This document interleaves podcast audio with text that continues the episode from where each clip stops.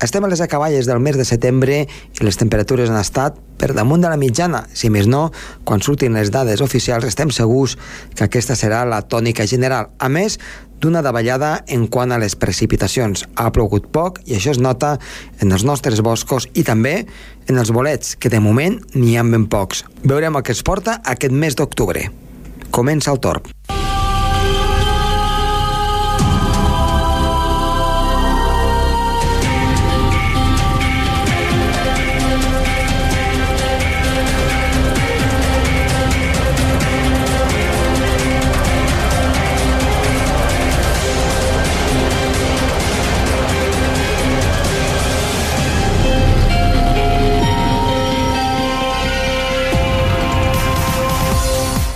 Bona tarda, moltes gràcies per escoltar-nos un dijous més des del seu vehicle, el seu transistor, si és que encara n'hi ha algun, i també, per què no, des d'internet, des de qualsevol punt del món. Avui parlarem amb en Roger Soler, que tornarà a estar amb nosaltres cada setmana per portar-nos les notícies d'actualitat meteorològica i també climàtica. Però avui parlarem amb ell una mica més extensament al llarg d'aquest programa. Per tant, comença el torn.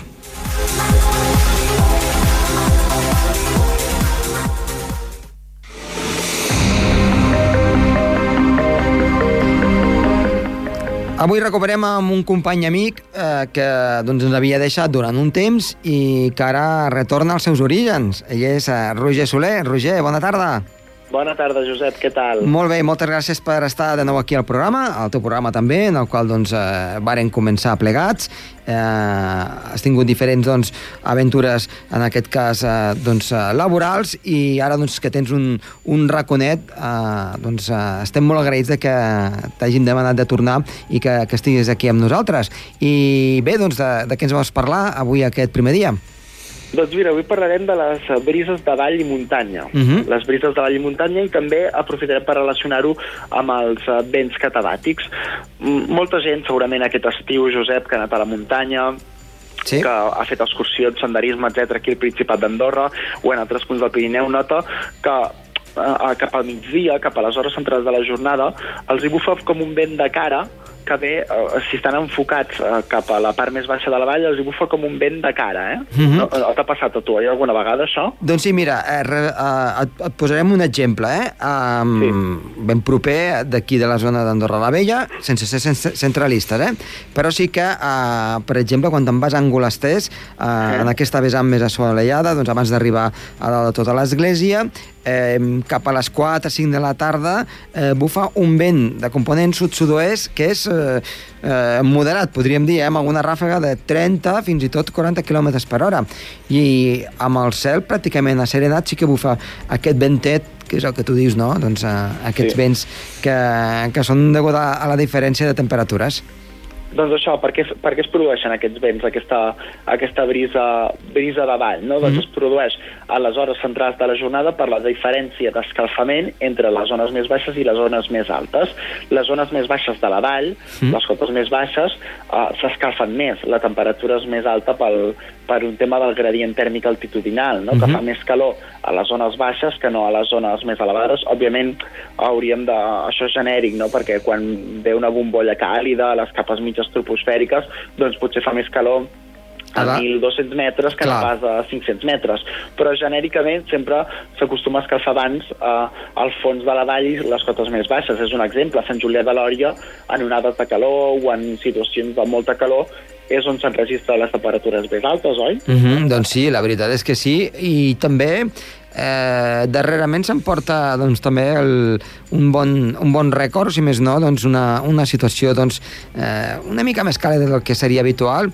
La zona de Santa Coloma, eh, Andorra la Vella, tota aquesta conca eh, Sí. s'escalfa i de valent, eh? Eh, També, no? Sí, això, Doncs- mira, eh, fins i tot es podria estudiar perquè, clar, amb els anys tot allò Sí. era, tot era prat, tot el, aquest fons de vall fins a arribar a Escaldes, i ara, clar, pràcticament tot és eh, ciment, per dir I, i, i, i doncs, eh, carreteres, edificis, clar, ha canviat molt la configuració de la vegetació Clar, i suposo que això pot ajudar a crear fins i tot una bombolla càlida en certs moments del dia. doncs podria ser, um, i a més l'efecte albedo, no? Mhm. L'asfalt, el color negre, els, um, els temes de, de clavegaram, um, els sistemes de ventilació, Sí. de calefacció, tot això eh, són elements que absorbeixen la calor, per tant fan pujar més la temperatura. I el fet també de, òbviament, la, la contaminació i el trànsit rodat també uh -huh. implica una mena de- d'efecte hivernacle, no? Però anem al que anàvem, el que Sí. dèiem, la, les, les brises les brises de vall i muntanya, no? aquesta diferència d'escalfament que fa que s'escalfi més en Julià de Lòria, aleshores aquest, aquest aire més calent és menys dens, té tendència a pujar, es crea com una mena de buit de vents, i aquest buit de vents implica que hi hagi com una acceleració cap amunt, eh? Mhm. com una acceleració cap amunt d'aquests vents, de- d'aquest d'aquest aire que reemplaça el buit de vents que es troba al fons de la vall. I Mm. per això es crea aquesta corrent, diguéssim, ascendent des del fons de la vall fins a dalt de tot de, de la muntanya per aquesta diferència de, de, de tèrmica, per aquesta diferència de temperatures en què a dalt de tot de la muntanya doncs la temperatura és més baixa i aquest equilibri dinàmic de vents um, es produeix mm, per una qüestió d'equilibri, eh? per una qüestió d'equilibrar les temperatures. I a la nit succeeix al revés, eh? a la nit succeeix al revés. Què passa? Es produeixen els vents, eh, les brises eh, de muntanya, a la nit, si, si, no sé si els nostres oients s'hi han fixat, eh, el vent normalment acostuma a venir de dalt, de dalt les muntanyes, de les zones més altes, Sí. no pas de baix, del fons de la vall. Per què? Doncs també per una diferència d'escalfament, però en el sentit viceversa, en el sentit contrari. Um, es refreda es refreda molt més es refreda molt més la part del, de dalt, sí? Es refreda molt més i llavors es produeix un vent catabàtic que flueix des de la zona més fresca cap baix, també per un tema de- d'equilibri de, de temperatura. No? És, com, és com si fos, podríem dir, les marinades que es produeixen a la costa, però Sí. a les zones de muntanya, no? una mica, que durant el dia bufa el vent de mar cap a terra perquè s'escalfa primer el terra que el mar, Mhm. però de nit es produeix un vent mm, terral, Un de terral. terra cap a mar, perquè eh, es refreda molt més el mar que el terra. I quan- Eh, quan- refreda- Sí. Quan, quan baixa de la muntanya, eh, diguem-ne, l'aire més càlid de, de les zones de, de vall, eh, eh, evidentment és impulsat cap a una altra zona, no?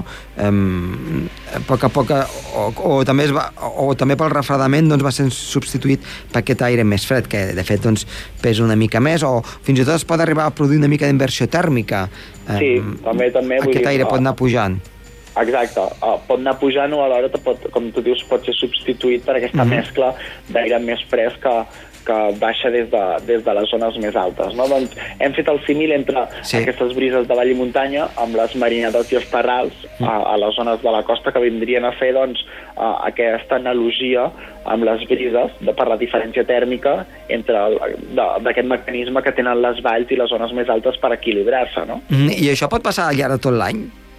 Això normalment passa a les èpoques càlides, des de la primavera fins a la tardor, però és veritat, és veritat que si no tenim una situació sinòptica, una situació geostròfica de vents concrets, Mhm. doncs a a l'hivern, un dia una mica càlid d'hivern, Sí. que no hi hagi fogony, que no hi hagi foent, que no hi hagi una situació de submercada, sí que es pot crear una mica aquesta brisa, no? Mhm. Allò un dia d'hivern que, les, eh, que la, Amb altes Andorra la pressions. Vella podem, amb altes pressions, podem arribar als 15-16 graus, que Sí. és molt normal arribar a l'hivern als 16 graus a Andorra la Vella, un dia suau d'hivern, no? Sí. Doncs i a les zones més altes hi ha aire molt fred i estem a 0 graus, aquesta diferència entre 16 graus a baix i 0 graus a dalt també es pot crear una mica de brisa Mhm. d'aquesta de, de vall i al vespre brisa de muntanya, no? Per Mhm. aquest refredament, com dèiem, nocturn que hem, que hem explicat. Per tant, però sobretot es dona la primavera, l'estiu i la tardor. Tot i que l'hivern en dies així suaus, que hi ha molta diferència amb el contrast tèrmic, també es pot succeir. Uh -huh.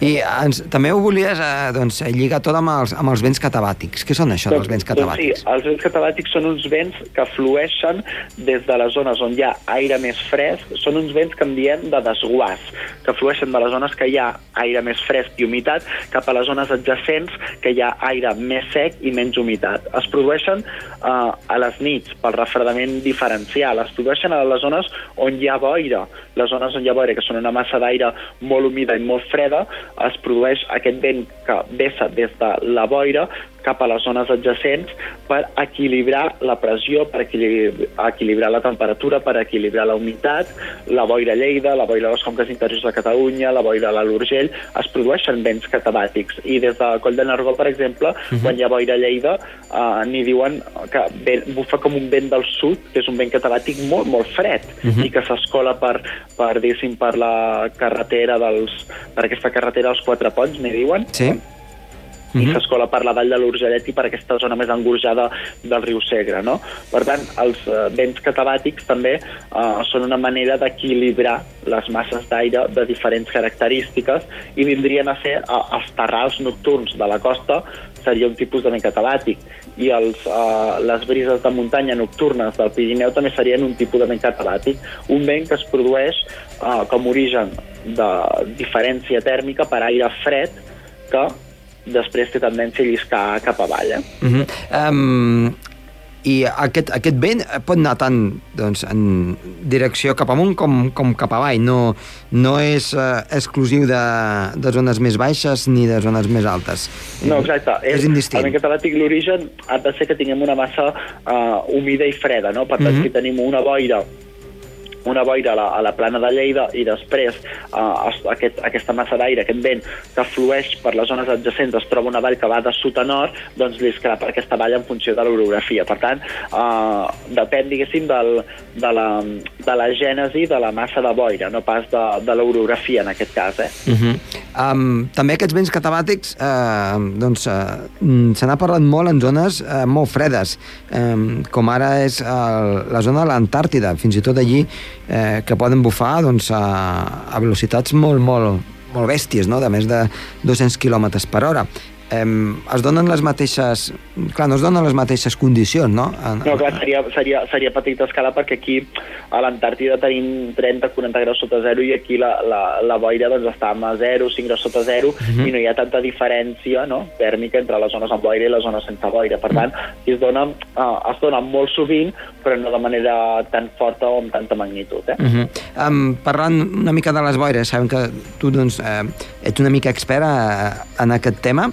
Um, veient una mica doncs, el que pot succeir al llarg d'aquest eh, proper hivern, um, que és quan doncs, més boires hi ha, um, hi ha alguna relació entre el, el que ha pogut passar doncs, al llarg d'aquest uh, passat uh, any amb, amb, amb el Niño i la formació de boires aquí uh, doncs, a les zones de la plana de Lleida i d'altres àrees doncs, properes al Pirineu?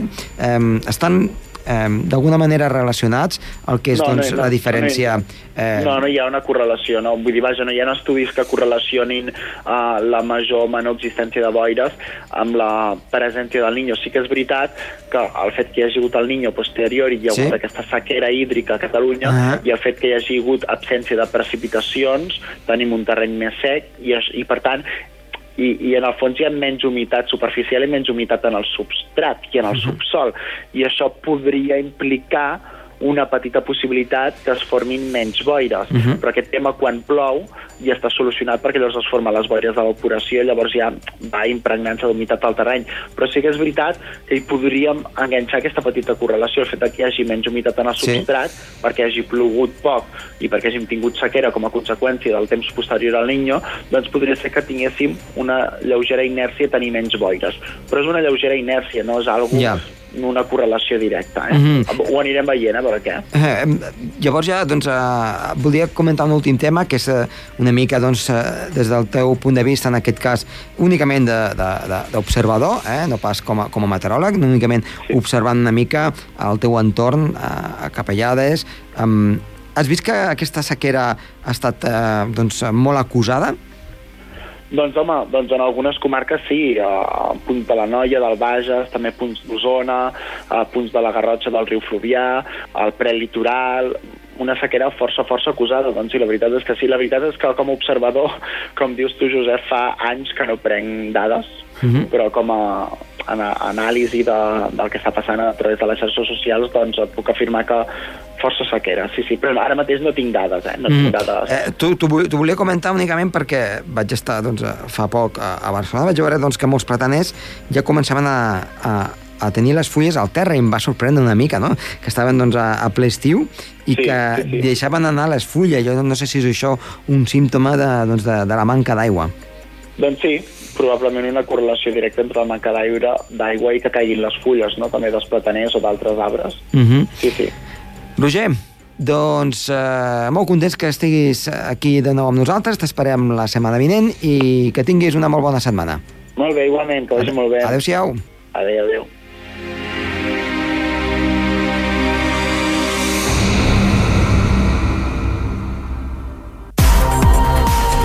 El torn amb Josep Tomàs.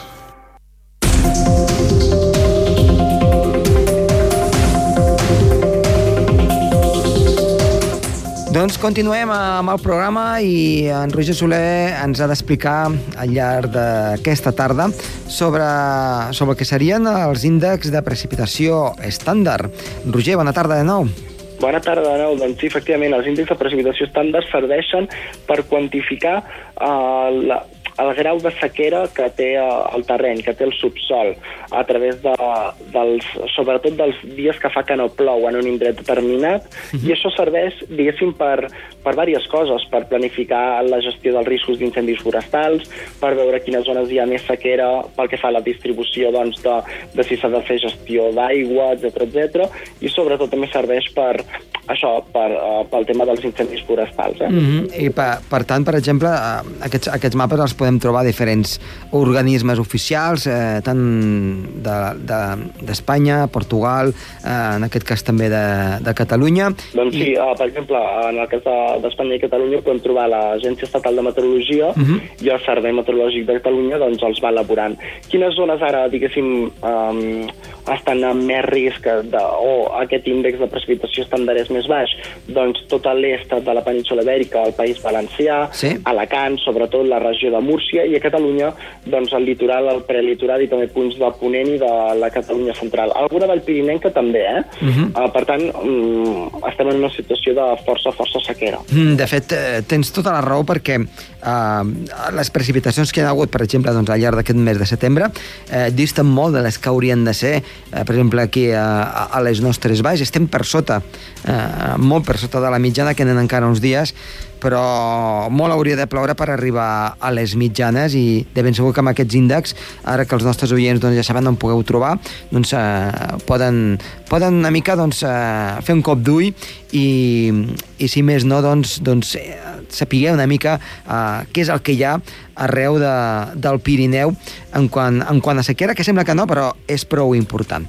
Doncs Roger, eh, moltíssimes gràcies i t'esperem la setmana vinent. Perfecte, que vagi molt bé. Adéu-siau. Adéu.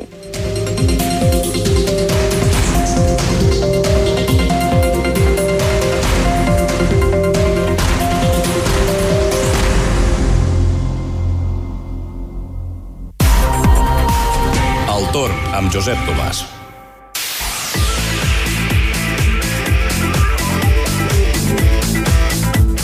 Doncs som-hi, anem a veure quin temps ens espera per aquest cap de setmana, però abans doncs, eh, plantejarem una mica eh, perquè els nostres oients vagin pensant-hi eh, sobre el que ha estat una mica eh, aquest mes de setembre. Ha plogut molt poc, les dades les donarem la setmana vinent, les anirem elaborant, si més no les de la nostra estació meteorològica, amb temperatures, unes temperatures que veritablement han estat altíssimes. Recordem tots la primera quinzena del mes de setembre, amb un valors de les màximes que superaven els 30 graus, no tan sols al sud del país, però eh, també van arribar als 30 graus a la Massana, en camp, i pràcticament els fregaven a Ordino i de poc va anar a Canillo arribant als 28-29. Això era fins eh, pràcticament la primera quinzena de setembre. A partir d'aleshores va arribar un front, un front que va obrir les portes a una davallada de les temperatures, fins i tot vam tenir doncs, alguna feble precipitació en forma de neu i va, i va ser una setmana potser una mica més freda, una mica més de tardor, Um, i vam arribar pràcticament al que és l'estació uh, ja de la tardor, aquest canvi d'estació de l'estiu a la tardor, amb aquestes temperatures doncs, que acompanyaven una mica més pel que era doncs, l'època de l'any, però després, a poc a poc, sense fer soroll, les temperatures han anat remuntant fins a valors de nou que doncs, avui i al llarg d'aquesta setmana han superat els 24-25 graus. Evidentment, quedem lluny dels 30-34 graus que teníem doncs, a principis de mes, però són temperatures altes i hi ha molt de contrast entre el dia i la nit. Tenim mínimes de 9-10 graus a les zones baixes fins i tot 8 i màximes de 25. Per tant, ens acostem amb aquests 20 graus de diferència entre el dia i la nit i no cal dir que a l'alta muntanya també amb tímides glaçades cap als 2.000 metres i màximes de 14, 15 i 16 graus. Que déu nhi Què ha de passar aquest cap de setmana? Doncs eh, vet aquí que sempre es diu que plou en cap de setmana. Doncs en aquest cas una mica eh, tindran raó les dites, però mm, hem de pensar que estadísticament plou sempre igual tots els dies de la setmana, no dissabte i diumenge. Passa que són els dies que potser doncs, fem més activitats i que més ens en recordem. Dissabte arriba un front. Un front al llarg del dia que farà que al matí, a poc a poc, es vagi nuvolant. El, el cel doncs, estarà cada cop més carregat. I a partir del migdia durant la tarda, si no és que s'avança, ja podria donar algun primer ruixat, potser alguna tempesta. És un front també doncs, que arriba cada cop més esquifit, però sí que els mapes ens donen precipitacions que després es reactiven en arribar cap a l'àrea mediterrània. En definitiva, un cas molt típic de front que ens creua durant eh, finals de setembre, principis d'octubre. Sembla que no sigui res i després, doncs, amb la calor que han anat fent aquests últims dies, és energia eh, de més per inflar els núvols i, sobretot, per acabar deixant precipitacions. I atenció si van a les zones de costa, perquè pot arribar a haver-hi fins i tot alguna tempesta una mica forta. Diumenge, per contra, la situació millorarà, en el sentit que el cel estarà variable, a la tarda una mica més carregat, es pot arribar a escapar alguna gota o fins i tot alguna precipitació cap a la cara sud. De moment aquí al Principat es veu poca cosa en quant a precipitacions, si el cel una mica tapat i les temperatures quedarien, si fa no fa, com les de dissabte, per tant encara no pujarien.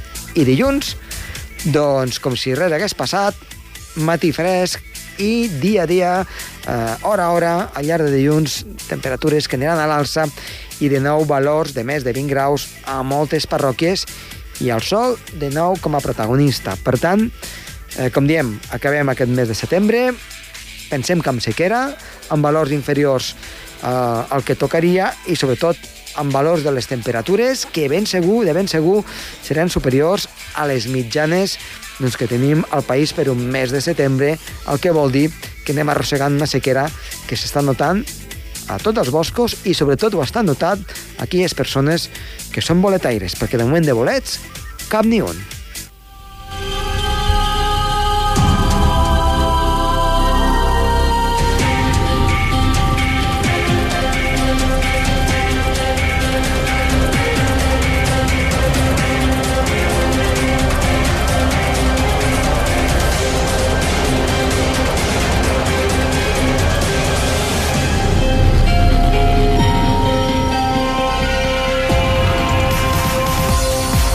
Doncs bé, fins aquí el programa d'avui. Ha estat de les vies de so Andreu Trastoi, que els ha parlat molt de gust Josep Tomàs. Tornem dijous que ve, que vagi bé la setmana.